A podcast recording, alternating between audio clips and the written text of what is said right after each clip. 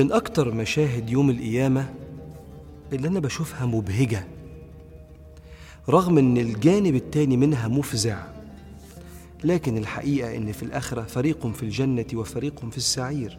فكل مرحلة من مراحل الآخرة فيها المبهج للناس الطيبين وفيها المؤذي جدا جدا والمفزع للناس اللي مش كويسين.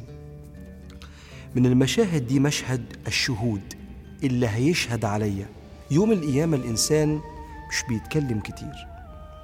بيجي في حاجات حواليه هي اللي بتتكلم عن حياته. من ضمن من يتكلم عن حياته أربع شهود. يشهدوا عليه على كل ذرة وكل لحظة وكل كلمة وكل فعلة حصلت منه. أول هؤلاء الشهود الله. اللي قال على نفسه في القرآن دي مش مفاجأة. إن الله كان على كل شيء شهيدا. والله على كل شيء شهيد. يعني إيه شهيد؟ يعني حاضر. وسيدنا علي بن أبي طالب بيقول فإن الحكم هو الشاهد أو فإن الشاهد هو الحكم. يعني اللي هيحكم عليك يوم القيامة هو اللي كان معاك وشاهد عليك. وأنا جاي في بالي وأنا بقول الكلام ده أهل الخير لما ربنا يشهد لهم إن هم كانوا في الدنيا كويسين. ربنا في سورة الإنسان بيقول وسقاهم ربهم شرابا طهورا. إن هذا كان لكم جزاء وكان سعيكم مشكورا. عايزك تتخيل إنك رحت بين إيدين ربنا أم بقى ربة العيال بنت كان عندها حياء وأخلاق واجتهاد في الدنيا وطيبة وواحد كان بيصلي وإنسان كان بيعمر في بلده وواحد كان صادق أمين في التجارة. الناس الطيبة دي راح عند ربنا فربنا سقاه وسقاهم ربهم شرابا طهورا. وهو بيسقيك بيقول لك سعيكم مشكور مش بتاعة العزا. إحنا بنقولها في العزا كده بنشكر اللي جه ساعدني وقف جنبي. هتتقلك يوم القيامة إن كان سعيك في الدنيا مش ربنا قال ومن أراد الآخرة وسعى لها سعيها فأولئك كان سعيهم مشكورا.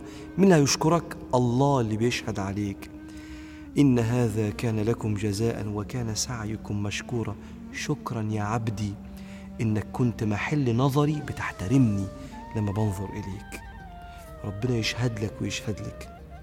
من الشهود يوم القيامة الملائكة جيراننا. اللي سيدنا رسول الله دايما كان يلفت نظرنا في الحديث احترم جيرانك اللي بيكتبوا حسناتك وسيئاتك. فيقول لك مثلا إن الملائكة تتأذى مما يتأذى منه بنو آدم. فما تأذيهمش بحاجات تأذي الناس من بذاءة الألفاظ أو من الأفعال الفاحشة. وربنا سبحانه وتعالى علمنا لما تحضر مجلس ذكر زي الكلمة الصغيرة اللي بتسمعها دي ده مجلس ذكر. ربنا بيقول للملائكة اشهدوا أني قد غفرت لهم في ملائكة هتشهد إن إحنا كنا قاعدين في اللحظة دي بنتكلم عن ربنا إنك سامحتهم يا رب في اليوم ده وتيجي وتشهد قدام ربنا. الناس اللي بتصلي الفجر وبتصلي العصر يتعاقبون فيكم ملائكة بالليل والنهار ففي صلاة الفجر وصلاة العصر. بينزلوا كده علشان يشهدوا لكم. كانوا بيصلوا الصلاتين دول لأن اللي بيصلوا الصلاتين دول بيعرفوا يواظبوا على بقية الصلوات. فالملائكة هتشهد لك إن شاء الله. من ضمن الشهود الأرض كل خطوة خطتها لشغلك لدراستك لمساعدة إنسان لصلاة في الجامع أو أي حاجة فيها خير ربنا بيقول في القرآن إذا زلزلت الأرض زلزالها وأخرجت الأرض أثقالها وقال الإنسان ما لها يومئذ تحدث أخبارها. العلماء بيقولوا ستتحدث الأرض عما فعل عليها من الإنسان. عايزك تتخيل كده بقعة السجود. سيدنا ابن عباس بيقول مكان السجود هيشهد لك. خدها منين؟ خدها من الآية اللي ربنا قال عليها لما أهلك فرعون فما بكت عليهم السماء والأرض وما كانوا منظرين. فقال كما أن السماء والأرض لا تبكي على الفاجر فهي تبكي على المؤمن. الأرض لما الإنسان يموت مكان السجود بتاعه يبكي عليه عشان بيفتقده. المكان ده اللي في بيتك وفي الجامع وفي كل مكان وفي مسجد النبي عليه الصلاة والسلام هيشهد لك عند ربنا. مبروك لأهل السعي على الخير. ويبقى الشاهد الرابع وهو الجوارح. في علمي اللي على قدي ما قريتش وما سمعتش آية أو حديث بيتكلموا إن الجوارح بتشهد لنا. الجوارح إذا نطقت تشهد علينا.